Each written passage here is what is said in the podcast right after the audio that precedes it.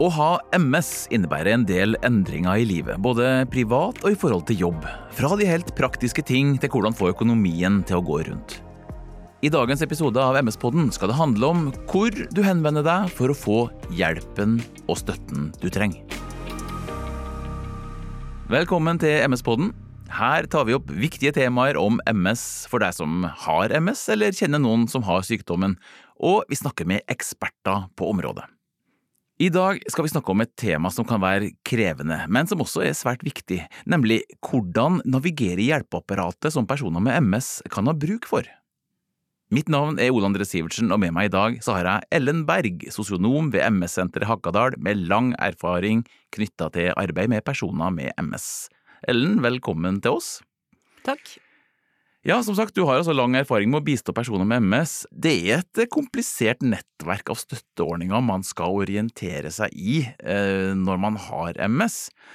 Et sted å starte, eh, hva er det?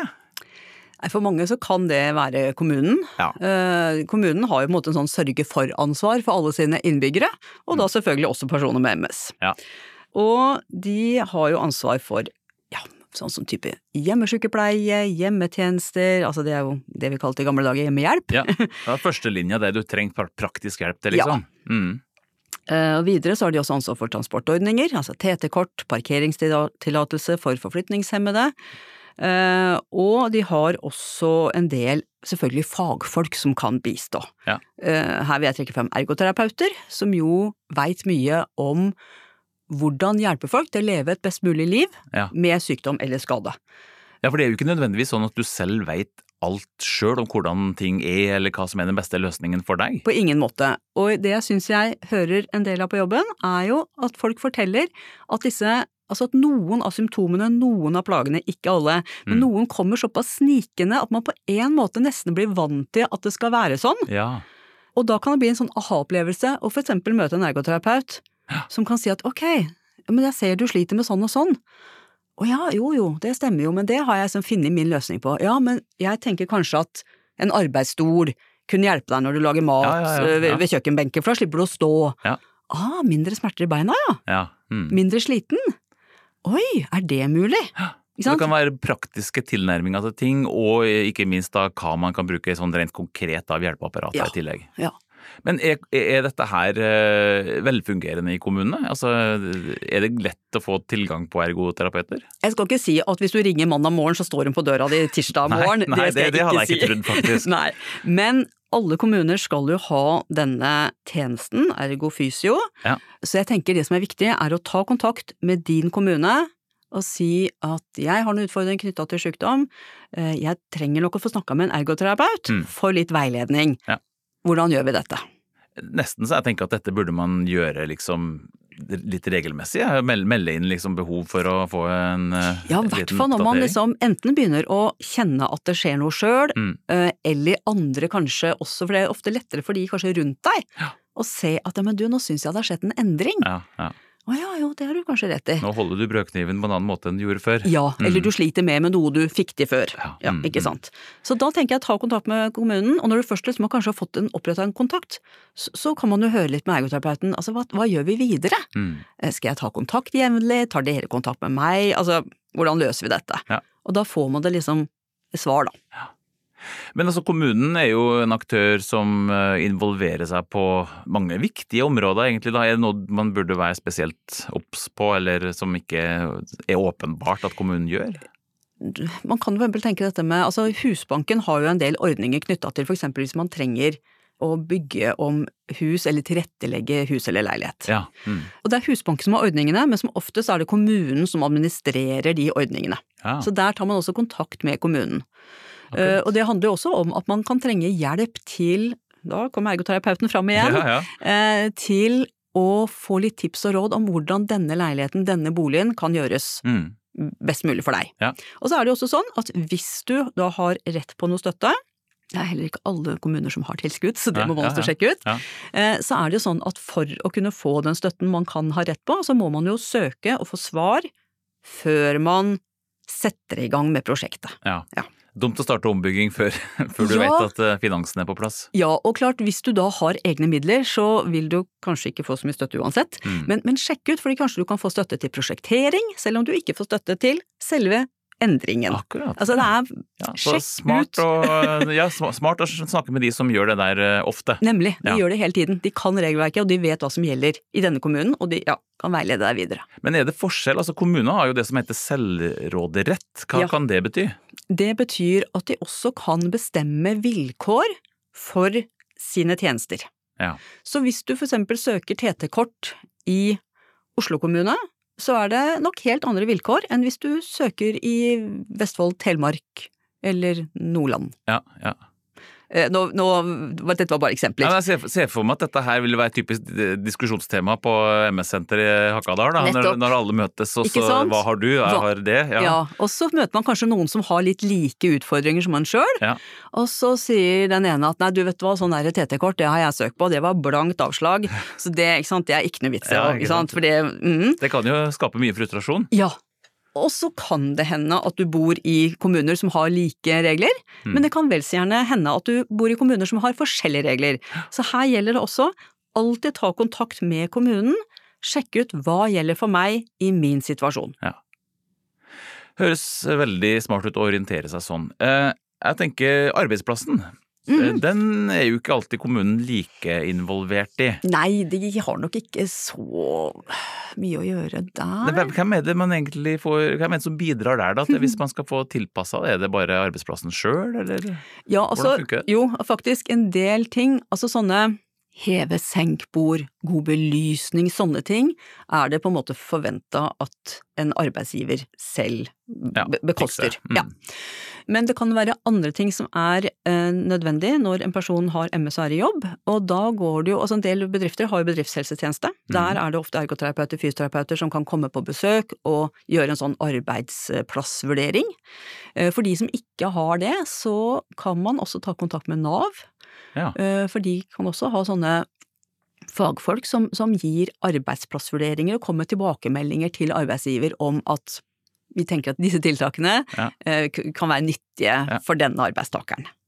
Så det er den praktiske biten. Ja, for da er vi jo over på Nav, som Mm. jo er en annen aktør som eh, vi forbinder med hjelp til alt fra fødselspermisjon og barnetrygd og pensjon, ikke Ja. sant. Altså, eh, der er det vel mye også vi kan søke eller få hjelp Altså fra- Nav er jo kjempesvært.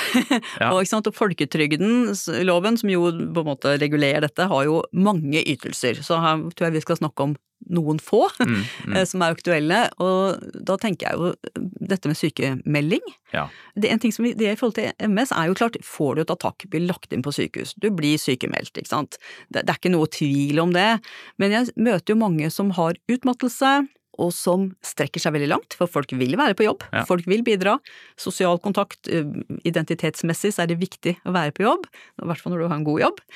Eh, eller altså trives godt på jobben, da, er det jeg mener med god jobb. Mm, mm. Um, og da, når du da har fatigue, eller sliter med utmattelse, så er ofte det noe som kommer litt snikende.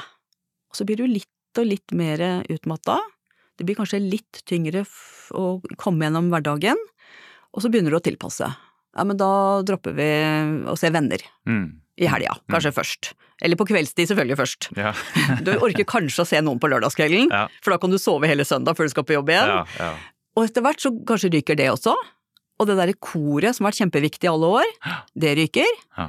Eh, Du kjenner kanskje at du er litt mindre trivelig med de du bor sammen med, fordi sånn blir vi alle når vi blir veldig slitne. Mm. Og så kan jeg spørre da, men har du tenkt at kanskje du trenger en sykemelding for en periode? Mm. At ikke jobben skal være det siste du skal holde ut i, liksom. Ja. For det er helt, det er helt legitimt å ha et ønske om et privatliv og en fritid som du bruker på noe annet enn sove. Mm. Ja, men syk Altså, jeg er jo, ikke- jeg er jo ikke syk, liksom. Altså, jeg er jo ikke, jeg er jo ikke feber, ikke sant. Jeg, jeg kommer meg jo på jobb, jeg klarer å levere sånn jo jo, men hva er konsekvensene her for resten av livet, Ja. og hvor lenge er det mulig å holde på sånn som du gjør nå? Jeg sier det litt hyggeligere. Fordi det er jo også noe av poenget. Eh, hvis det er sånn at den fatiguen faktisk kommer til å være der en stund framover, Mm. som den jo ofte er, så er det kanskje bedre å være delvis i jobb, hvis det er mulig den jobben du har, over lang tid, enn å bare kjøre på i 100 fordi dette skal jeg klare, som jo for så vidt er en forståelig tanke. Altså Det er jo en avveining, for jobben er jo viktig for mange, og det er jo en sosial arena Ja. og sånn, så jeg skjønner jo at folk Vil. ønsker å stå i jobb òg. Men nettopp derfor, fordi den er viktig, både for deg som person, du vil være med og bidra, du er viktig sosialt, så er det kanskje mer hensiktsmessig å være der i en over mange, mange år, enn å brenne kruttet fullstendig på et halvt år, Mm, og så blir du helt borte. skjønner. Og så skjønner jeg at det er superenkelt for oss to å sitte her og være innmari enige at dette er kjempelurt, Ja, ja, og så er det mye, mye vanskeligere å gjøre disse vurderingene sjøl. Ja. Og da tenker jeg, snakk med de du har rundt deg, snakk med fastlege. Hva er det jeg egentlig holder på med nå? Er, det, er det lov å be om en sykemelding? Eh, Hva kan være nyttig og hensiktsmessig for meg, og kanskje min, mitt, mitt liv, da. Min familie, mine venner. Fordi det, det, påvirker jo det også. Planlegger rett og slett litt Ja. hvordan forløpet skal være, og komme seg gjennom tøffe perioder. Men, men nå er vi jo inne egentlig på sykemelding, da. Mm. Eh, Det er jo det er jo noe du har eh, Rett på i denne, i denne sammenheng. Ja, altså det er rett på hvis legen mener at du er for syk til å utføre jobben din, og at det skyldes sykdom. Ja, Mm. Det er forskjellige vilkår for å ha rett på sykepenger, avhengig av om du er ansatt eller f.eks. selvstendig næringsdrivende. Som ansatt så må du ha vært i jobb i minst fire uker rett før du ble sykemeldt, og du må ha hatt en inntekt på minst en halv G. Hvis man er sykemeldt liksom kontinuerlig, så er det på en måte et års sykemeldingstid. Ja. Da har du sykepengerettigheter. Hvis du for eksempel er sykemeldt noen måneder, to-tre måneder, og så er du fullt tilbake i jobb en par-tre måneder, og så blir du sykemeldt igjen, så teller man opp 248 dager i løpet av en treårsperiode. Altså da kan du bruke lengre tid, da. Ja. Eh, hvis du er fullt tilbake i den stillingen du opprinnelig har i 26 uker, vil si et halvt år, da har du nullstilt sykepengerettighetene dine. Ja, riktig. Men hvordan er det man teller sykemelding, bare for å få det Mm. klart? Fordi det, det, selv om du er bare 20% og møter Ja. klokka ti på dagen, for å si det sånn, Mm. eh, så, så, så vil jo det telles. Men hvis du velger å heller ta ut 20% og bare én dag i uka, så vil hele uka også regnes som Ja. Dette er jo litt komplisert. Ja, fordi sykemelding, det er et år makstid, altså Ja. hvis du er kontinuerlig sykemeldt, uansett om du er 20, 40 eller 100% sykemeldt, har ingenting å si. Ja. Um, og så er det jo nettopp som du sier, ikke sant, 20% sykemelding kan man ta ut på én eksakt dato, eller, man, eller dag da, eller man kan ta ut litt hver dag, det varierer jo hva som er best. Men så er det jo også sånn at noen eh, personer som har en sykdom, de trenger kanskje å gjennomføre en behandling en dag i uka. Og så er du kanskje, måte, du blir på en måte såpass prega av den behandlinga, eller den tar såpass lang tid, at du kan ikke være på jobb den dagen. Og da kan det være lurt å be legen om å sykemelde seg på enkeltstående behandlingsdager, hvis ikke legen foreslår det selv. Fordi dette er litt sånn komplekst, men enkeltstående behandlingsdager, da blir du sykemeldt på akkurat den datoen du er inne på sykehuset og gjør denne behandlingen, Ja. si 1. november, og da teller den bare for 1. november, ja. altså én dag av den sykemeldingspotten. Men hvis du ble 20% sykemeldt, så ville det telt for alle fem dagene den Nettopp. uka.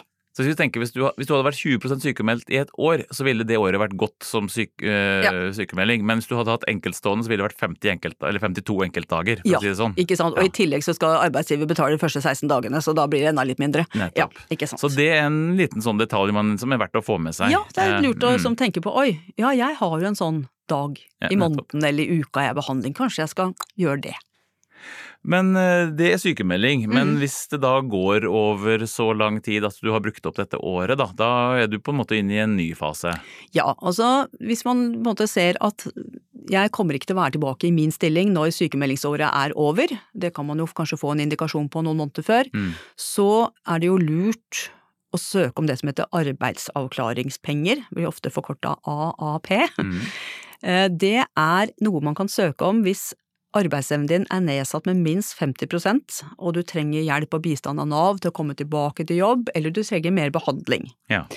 Og de har jo selvfølgelig litt saksbehandlingstid på Nav, altså det er helt naturlig, Mm. så det er lurt å søke om dette kanskje en tre måneder i forkant av sykepengeperioden er over. Ja. Fordi i det øyeblikket du ikke har sykepengerettigheter, hvis du har fått forskuttert det for arbeidsgiver, så stopper de å betale, for da får ikke de refundert mer. Nei. Og får du det rett fra Nav, så, så stopper det jo. Ja. Eh, Så da må du søke litt i god tid, sånn at Nav kan behandle din søknad, og forhåpentligvis så får du den innvilget. Ja. Og da kan du begynne på disse klart. Da er det klart Mm. når du står der. Mm. Men har du muligheten til å være i jobb i den perioden? Altså hvor mye Ja. kan du gjøre det og fremdeles være under avklaring? Ja. Du kan, noen vil jo trenge 100% arbeidsavklaringspenger fordi de ikke har noe arbeidsevne, men du kan jobbe opp til 60% Ja. Eh, Og da melder du inn de timene du jobber på et meldekort, litt sånn som man gjør på dagpenger, Ja. og så beregner da Nav hva du skal ha fra dem ut ifra eh, det meldekortet. Riktig. Og så er det sånn at om du da melder inn én time over 60% da får du ingenting for den 14-dagersperioden. Er, det- ja. Ja ja, ja. eh, Ja, ja. Regler, eh, regler er jo til for å holdes, altså, men det er jo mye å følge med, da. Så ja, og, men det er vel noe med at de må sette grensa et eller annet sted. Jeg kan ikke forklare riktig, ja. hvorfor det er akkurat der, men iallfall opp til 60% kan du egentlig sjonglere. Og så må du selvfølgelig ha jo dialog med arbeidsgiveren din, ikke sant. Mm. Det er ikke alle arbeidsgivere som eh, klarer å tilrettelegge for at du jobber 20% ene uka og 50 andre Nei, uka, nei, men det der er jo dialog.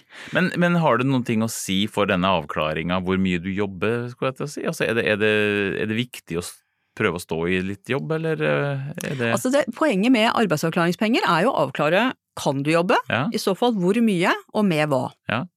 Så sånn sett så vil jo det, altså hvis du på en måte hele tiden forstrekker deg, egentlig, så kanskje du ikke har kapasitet til mer enn 40, så vil jo det gi et feil bilde av din arbeidsevne. Ja. Og her er det om å gjøre å få fram helt konkret, hva Mm. er den riktige arbeidsevnen, hvor mye kan du være på jobb, men samtidig ha overskudd til familie, venner, trene, gjøre de andre vanlige tinga i livet. Og her er vi jo inne på det vi snakka om i stad, at det er, det er jo veldig si, sunt både fysisk og psykisk å kunne være i et uh, arbeidsmiljø Ja. hvis man har det Ja. og trives i det. Ikke sant? Og det, det er mye forskning som viser at det har, har en veldig positiv effekt på helse. Uh, Så, og, og nettopp derfor så tenker jeg jo liksom jeg sa i stad, det der med at uh, hvis du kan være i en deltidsstilling over tid, istedenfor å måte brenne kruttet, Mm. så kanskje bli 100% sykemeldt eller 100 på, 100 på AAP, så tenker jeg det er bra. Både selvfølgelig for økonomien, men også for deg sjøl som, som person, da. Her er det nok veldig mange som kjenner litt på sin egen eh, skal vi si, vilje og evne, og, Ja. og, og det må de jo kjenne på hva, Og- og- hva de rett og slett vil, da. Og det, er, og det er vanskelig, ikke sant. Det er vanskelig å gjøre disse vurderingene. Ja. Eh, Så man må ha noen å, tenker jeg, prate med. Men altså, i, i, eh, hvis vi bare ser bort også fra arbeidsavklaringsperioden og Mhm. sånn, da, det, det er jo mange som eh, er i stand til å jobbe eh, og ha en, en viss Ja. mengde arbeid, Ja. også hvis, hvis man er avklart at man skal ha trygd, da. Ja, ja, ja. Hvordan eh, kan man justere dette? Er det, er det lønnsomt, liksom, eller bør man Ja, Hva- hva altså, skal man? ja, hva skal man? Du, altså Poenget er at sant, vi, denne arbeidsavklaringsperioden skal jo på en måte avsluttes når man da vet hva arbeidsevnen er, og hvis Mm. man da kan komme tilbake i 100% jobb ved kanskje å bytte oppgaver eller bytte jobb, Ja, tipp topp, kjempefint. Mens andre vil jo erfare at nei, vet du hva, jeg må nok innse at min arbeidsevne er det vi kaller varig nedsatt. Mm. Altså, det er innmari kjipt, det var ikke sånn jeg ville at det skulle være, det var ikke dette jeg så for meg, men jeg kan faktisk ikke jobbe 100. Si at du da kan jobbe 50, da, at det er det man har kommet fram til. Så kan man da i samarbeid med Nav søke om 50% uføretrygd. Eller den prosentdelen som Ja, man har kommet fram til. Ja. Eh, Hvis man da får innvilget en delvis uføretrygd, så vil man jo få et vedtaksbrev, og i det vedtaksbrevet så står det svart på hvitt hva du kan tjene ved siden av den uføretrygden uten at du blir trukket i, i trygd. For selvfølgelig, du må jo få lov å jobbe i den 50 du Ja, ja. ikke har trygd for. Ja. Uh, Hvis du får 100% ufør, så kan du vel tjene 0,4 G. Bare for å presisere dette her med å jobbe ved siden av hvis du har en uføregrad. Du har jo lov til å jobbe ved siden av uføretrygden, men det er grenser for hvor mye du kan tjene før du blir trukket. Er du 100% ufør, så er grensa 0,4 G. Og er du gradert ufør, har du en individuell inntektsgrense som står i vedtaket ditt. Det som også er viktig å tenke på, er at i den der, der 0,4 G-en du kan jobbe ved siden av 100% så teller også eventuelle feriepenger som er tjent opp i fjoråret, ikke sant, og som blir utbetalt Ja. i dette året. Riktig. Så ikke det bare kommer i tillegg. og- Nemlig, for Mm. da skjer det noe. Ja. Men så kan det jo hende, altså mange med MS har jo litt sånn varierende form. Og de kan kjenne at jo, i noen perioder så kan jeg jobbe mer. Ja. Eh, Men da går jeg over det der jeg- har lov til. Ja. Og da eh, kan man eh, logge seg inn på mitt Nav, og der finnes det en sånn inntektsplanlegger, for da kan man både legge inn inntekten man forventer å få, og se hvordan vil det påvirke min ufør. Ja. For da ser man faktisk hva de trekker, og man kan også se om det da påvirker eksempel barnetillegg eller en gjenlevende tillegg, hvis Ja. man er enke Ja. eller enkemann. Så det kan være lurt. Og så sjekke ut hva er konsekvensene av at jeg plusser på inntekta mi litt. Fordi hvis du har et barnetillegg, så er det jo noen som opplever at hvis vi tjener litt for mye, så mister de hele barnetillegget. ja. Og så går de nesten i minus. Det vil man jo ikke. Nei. Og så skjønner jeg at folk kan bli helt sånn gærne hvis de hører på dette nå. Bare sånn, det er så mye jeg må passe på. Ja, for jeg tenker jo sånn I utgangspunktet så ønsker man jo at folk skal orke å jobbe mer. Ja. Så det, men det finnes altså noen ting som kan eh, skal vi si, klippe deg eh, Ja, bakfra. Ikke sant? Du kan liksom snuble litt, da. Ja. Men utgangspunktet er jo at du skal sitte igjen med mer, da. Hvis du jobber. Ja. Mm. At de trekker ikke krone for krone. Det er som hovedregelen og utgangspunktet. Men Ja. sjekk den inntektsplanleggeren, og meld fra med en gang du forventer høyere inntekt, fordi da begynner de å trekke. Og hvis du glemmer det å melde fra i april, og så melder du fra i november, da blir det veldig lite penger i november og desember fra Nav. Det blir kanskje ingenting, og kanskje du får litt sånn tilbakebetalingskrav fordi du har fått for mye gjennom året. Ja. Mm. Så meld fra med en gang, og meld fra også om endringer underveis. Nå snakker vi om lønn, da. Eh, Det kan jo være at man eh, skal vi si, har, har mindre i andre enden, at man heller eh, får gjelda i utgangspunktet her, og i hvert fall hvis man skal bygge om litt eller gjøre, noe, gjøre noen store endringer i livet. Mm. Det er jo ofte også at det, man kan opp Altså, det er jo en stor endring i livet å, å ha MS, Mm. eh, som får noen økonomiske konsekvenser. Hva slags eh, hjelp og råd kan man hente her? Det er én ting i forhold til det med ikke sant, Hvis du går over på arbeidsavklaringspenger ufør, så går jo inntekta di ned. Noen har jo eksempel private uføreforsikringer. Ja. Sjekk ut det. Sjekk ut gruppelivsforsikring via fagforbund. Sjekk ut pensjonsordninger du muligens har via jobb. Vil noe av dette tre i kraft enten ved overgang til arbeidsavklaringspenger og eller ufør? Ja, for her, her er det ikke noen sånne regler som gjelder for alle. Nei, nei, her er det in, Hver enkelt avtale kan være forskjellig. Ikke sant, og jeg tenker de samme selskapene har sikkert forskjellige typer avtaler. De Ja. dyrere avtalene gir mer utbytte hvis det skjer noe. Så har du Sånn en- er. Sånn er det. Ja. Um, Så sjekk alltid ut, har du forsikringer, har du pensjonsordninger, privat eller via jobb, hva kan det bidra med? Og ikke heng deg opp i at uførhet er ufør, for ufør betyr uførhet, og det er man, man er jo på en måte arbeidsufør når man går over på AAP. Ja. Så det kan hende at det skjer noe allerede der. Men så har du kanskje sjekka alt det der, og så Eller kanskje du kanskje ikke har vært så mye i jobb hvis du har vært ung, ikke sant? Ja, ja. Uh, og så har du egentlig ikke fått kjøpt deg noe bolig, og du har egentlig ikke fått spart deg opp så mye penger. Og da, hvis du på en måte ikke er i stand til å forsørge deg selv, så kan man også ta kontakt med Nav i forhold til det med økonomisk sosialhjelp. Ja. Selvfølgelig masse vilkår og alt det der greiene der, der også, Ja, ja. men ta kontakt og sjekk ut. Uh, har du høye boutgifter, lav inntekt, sjekk om du kan få bostøtte. Da kan du gå inn på Husbanken sin side og prøve en sånn bostøttekalkulator, legge inn litt utgifter og inntekter og formue og sånn, og så vil den gi en pekepinn på om det er noe eh, vits i å søke. ja. Studielån for unge, Ja. tenkte jeg på.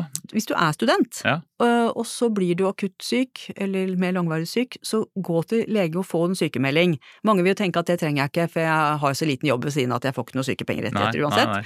Men få sykemelding, fordi hvis du er mer enn 50% syk, over 14 dager, Ja. så kan du ha rett kan du søke om å få gjort om lån til stipend.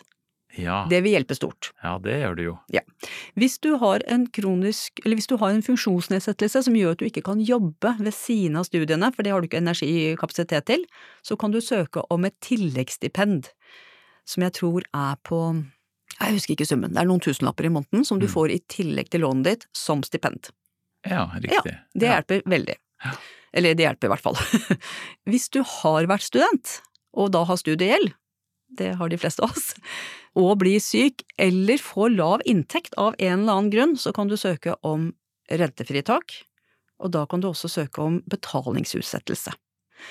Og hvis du går da dit at du får en hel eller delvis ufør og har studiegjeld, så kan du søke om å få sletta studiegjeld. Riktig. Da blir det selvfølgelig vurdert opp imot inntekter og alt dette her, men du kan søke og se om du kan få sletta noe. Statens lånekasse for utdanning er ålreit, egentlig, i forhold altså- til mange andre. De, de har en knasende godt tilbud, vil jeg si. Ja. Og de har på en måte en sånn innbakt gjeldsforsikring sant, i lånet, så det er Nettopp. derfor de har den ordningen med at du kan søke om å få sletta gjeld. Men det er kanskje en grunn til ikke å betale studielånet først ned, hvis man eh, er da ganske ung. Det er et godt poeng. Hvis du har, altså for all del, må alltid betale den dyreste gjelda, så hvis du har noe sånn forbruksgjeld, kredittkort, Ja, sånne ting, det. og få det vekk. Og ellers så vil jeg prioritert sånn type billån, boliglån, hvis man har det før studielånet. Betal selvfølgelig det du skal, men ikke klinke inn din 2000 ekstra du vant i Lotto. De, de sender ikke en eh, noen på døra med, med balltre fra studielån Det gjør de for heller ikke. Men eh, da tenkte jo jeg at det nesten må være det samme fra Husbanken, at de har en lignende ordning. Eller er ikke de like snille? Nei, altså du um, et, Nei, jeg tror ikke Altså hvis du ikke kalle har de snille og slemme her, men Nei, altså hvis du har et lån i Husbanken, et boliglån Altså jeg tenker at uansett ta kontakt med Husbanken og si at du nå har ting forverra seg litt her. mm, Min økonomi er endra, nå ser jeg at jeg kan begynne å slite med å få betalt. Hvordan løser vi dette? Mm. Jeg tror nok ikke de har den gjeldssletteordningen, men jeg vil tenke at de er interessert i å hjelpe deg til å beholde huset, leiligheten, og de er interessert i å hjelpe deg å få innbetalt de pengene, for de er jo hypp på å få penga sine tilbake. det er de jo. Ja. Så de, de vil prøve å få til en god avtale, og det tenker jeg en helt vanlig bank selvfølgelig også ønsker. Hmm. Ser du at du får problemer med å betale billån, huslån, ta kontakt med banken med en gang og begynne å diskutere. Ikke tenk at nei, men det ordner seg sikkert, jeg får det til, ikke sant. Ta kontakt med en gang. Jeg opplever at det er veldig viktig å lese masse kontrakter med liten skrift og sånt her. Altså, det er jo et eh, virvar av eh, De fleste har Mm. et virvar av avtaler Mm. og, og ting som, som de kan sjekke ut, i hvert fall. Ja. Om de kan få noe av. Det, det er jo mye å sette seg inn i. Ja. Er, er det her kommunen kan hjelpe deg, eller Nav kan hjelpe deg, eller hvem er det som har oversikten?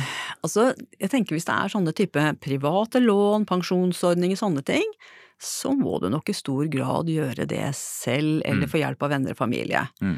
Eh, hvis du har store utfordringer, og kanskje da har noen andre kontakter i kommunen, ansvarsgruppe, og sånne ting, så ville jeg jo spurt noen som jeg har kontakt med fra før av, om de kan bistå, men man skulle jo gjerne hatt en sånn kommunesosionom, mener ja, jeg da. Ja, ja. For det hadde jo vært sånn typisk en jobb for en kommunesosionom. Ok, hva, hva skjer rundt deg? Ja, men da ser vi på disse papirene. Nå går vi gjennom, finner ut av, ringer, ordner.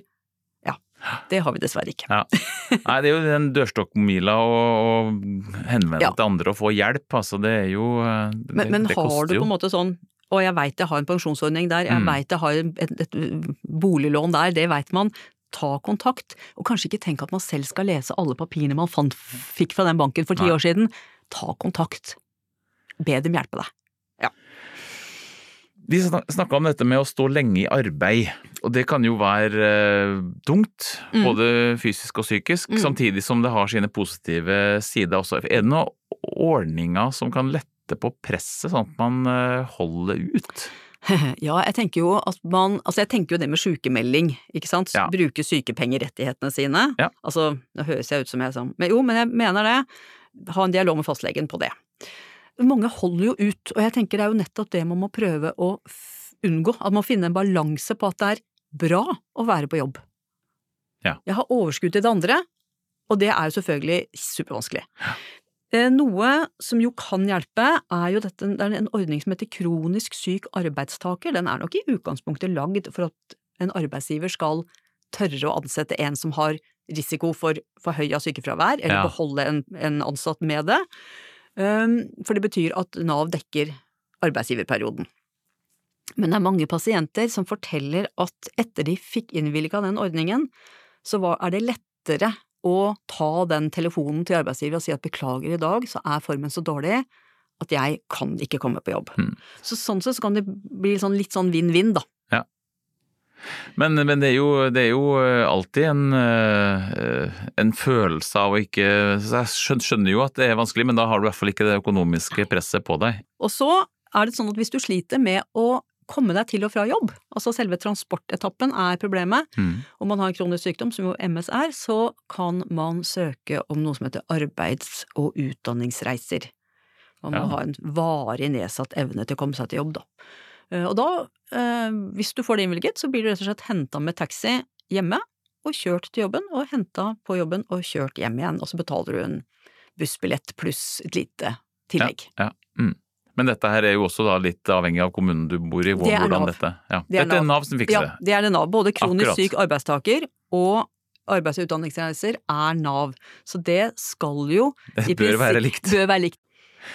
Du snakker mye om det å, orke å være i jobb kontra å tørre å ta fri og få overskudd og sånne ting, eller fri, altså sykemelde seg. Mm. Um, det er forbundet med mye, skal vi si, eh, det er kanskje et stigma, det å Mm. ikke være i jobb. Mm. Det er psykisk påkjenning å Mm. føle at dette er noe man sliter med, da. Altså, eh, hvordan vil man Er det- dette fastlegeproblemstilling, eller? Ja, altså det å For å få hjelp. Altså, ja, psykisk uhelse kan Ja. være en, en konsekvens av å få en, en kronisk sykdom. Snakk med fastlege, eh, sjekk eventuelt ut kommune, bydelens lavterskeltilbud. Mm. Og her, sant, akkurat det der med sy være sykemeldt, altså jeg, jeg mener jeg sitter jo her og snakker mye om det om å bruke sykemeldingsrettighetene. Jeg mener jo ikke at folk skal være på en måte sykemeldt bare for å være sykemeldt, men min erfaring er at folk sliter seg altfor langt ut, Mm. og på en måte kunne tatt bedre vare både på helsa si og seg sjøl, og kanskje også vært lenger i jobb. Ja. Deltid, muligens, hvis de hadde på en måte klart å be om den sykemeldinga. Og klart det er det veldig mange som syns er vanskelig, spesielt de som har en MS som ikke syns. Ja. Mm. Hvor det går på kanskje på fatigue, kognisjon, smerter, dårlig søvn. Og de sier at de tør ikke å nesten gå ut på dagtid, ikke sant, fordi jeg burde jo være på jobb. ja. Mm. uh, og det er jo så ille, fordi når du er sykemeldt, du blir jo ikke friskere av å ligge eller sitte inne i stua di, du blir kanskje friskere av å gå deg en tur, hvis du kan det. Sitte ute i hagen og høre på, eller parken, og høre på fuglene synge. Altså, det der å være ute, gjøre ting som gir deg overskudd, Mm. er superviktig. Være med fotballkamp med barna. Nemlig. Mm. Være med på dugnaden. Mm. Og da kan du faktisk risikere at noen liksom bare Å ja, du er her, ja. Ja, ja. Mm. Åh, og da tenker jeg bare Mm. hold munn på deg, for du veit ikke hva folk sliter med. Men noen har da funnet en løsning på det, og det er å øve på å ha noen sånne setninger. Ja, du vet du hva, det er så viktig for meg å være med på dugnaden i idrettslaget til sønnen min, så det gjør jeg, og så tar det meg kanskje tre dager etterpå å komme meg. Ja. Derfor er jeg ikke på jobb. Ja. Altså, det er lov å arrestere folk litt, og det er lov å drive litt folkeopplysning. Du er ikke pålagt det, men det er lov. Men sånn som dette her med familie og snakke, er det noe man kan få hjelp til noe sted? For å, liksom, hvordan man skal ta opp dette og forberede familien på Ja, altså enten man snakk eller bare egne følelser rundt det? Er man på MS-senteret, så har vi tilbud til foreldre, altså en sånn type samtale eller en undervisning om det, hvordan snakke med barn og unge om Mm. at mamma eller pappa har fått en sykdom. Fastleger, MS-sykepleiere, altså de du er i kontakt med skal egentlig spørre deg, har du barn? Mm. Hvordan er det for deg å ha en kronisk sykdom, ha barn? Snakker dere om dette? Har barnet blitt informert? Noen steder så er det MS-sykepleier som også tar eh, den eh, samtalen, Ja. for det er ikke alltid så lett å gjøre det sjøl, eller barna kan jo lure på ting som er veldig medisinske. Da har man jo ikke sjans til å svare. Nei. Eh, Men det fins også noen sider inne på helsenorge.no. eh, så Du bare kan søke helsenorge.no barn som pårørende. Ja. Så får du veldig sånn konkrete, gode eksempler på setninger man kan si. Ja, riktig. Eh, og det er også en nettside som heter Barns beste, hvor det altså er mye tips om hvordan, altså hva kan barn trenge å vite, hva er de bekymra for, sånn generelt, og hvordan snakke med dem om disse tingene. For det jo mange foreldre er redde for, er jo måte å belemre barna sine med ting de liksom ikke skal trenge å bekymre seg for. Men barn bekymrer seg mye, mye mer for det de skjønner skjer, fordi de fanger opp ting som det ikke blir snakka om. Ja. Da blir de redde, da. Ja. Mm. Da får de fantasier. Mm. Og de fantasiene er nesten uten unntak mye verre enn virkeligheten. Ja. Så det å snakke med dem om ja, jeg har en sykdom, den heter MS, den rammer veldig forskjellig, så hvis eh, kompisen din har en onkel som har MS, så trenger ikke jeg å ha det på samme måte. Jeg dør ikke av det, kommer til å ha det resten av livet. Jeg får hjelp, du trenger ikke å hjelpe meg. Gå ut og lek og ha det gøy, og det er lov å le og ha det gøy i huset, selv om vi voksne er litt triste akkurat nå, Ja. Nå har det kommet en sykdom inn som ingen ville ha. Ja, nettopp. Det er kortversjonen. Ja. ja, det er kortversjonen vi kjører her, Ellen. Det er det jo. Du, vi har vært igjennom veldig mye. Veldig mye med liten skrift i, på, på, på papirer du kanskje hadde lagt i ei mappe, som må gås igjennom. Mm. Eh, Men eh, for å oppsummere litt, vi, vi snakker vel om at eh, det er viktig viktig å tørre å spørre om hjelp i de instansene vi har nevnt. Mm. Være åpen om eh, skal vi si hvor, hvor, hvor mye, hvor tungt du du syns det er, rett og Så godt, så, godt du la, altså, så godt du klarer. Ja. Være så åpen som du klarer, og det der vil jo ta litt tid for mange. Og ingen skal ta i mer enn de klarer. Det er jo Prøver liksom å, å tenke at vet du hva, jeg skal holde lenge, og jeg har flere roller enn jobben min.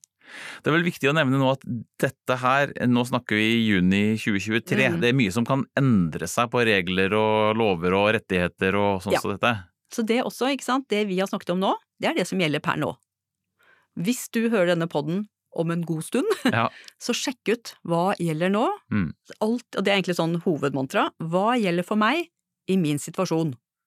Ta direkte kontakt med Nav, kommune, whatever. Ja. Sjekk ut hva gjelder, gjelder for meg i min situasjon. Vi sier at det er siste ord. Tusen takk, Ellen. Dette var jo eh, veldig mye nyttig og interessant. Jeg håper du som hører på også eh, fikk noen gode råd på veien. Det var altså sosionom Ellen Berg fra MS-senteret Hakkadal som var gjest hos oss. Tusen takk, får jeg si. Takk for at jeg fikk lov å komme. Da gjenstår det bare for meg å si at MS-podden er i regi av Biogen. Og ved å abonnere på MS-podden så kan du høre oss ta opp flere problemstillinger om viktige temaer om MS, forklart av folk som Ellen med spesialkompetanse. Jeg heter Ole André Sivertsen. Tusen takk for denne gang, og på gjenhør.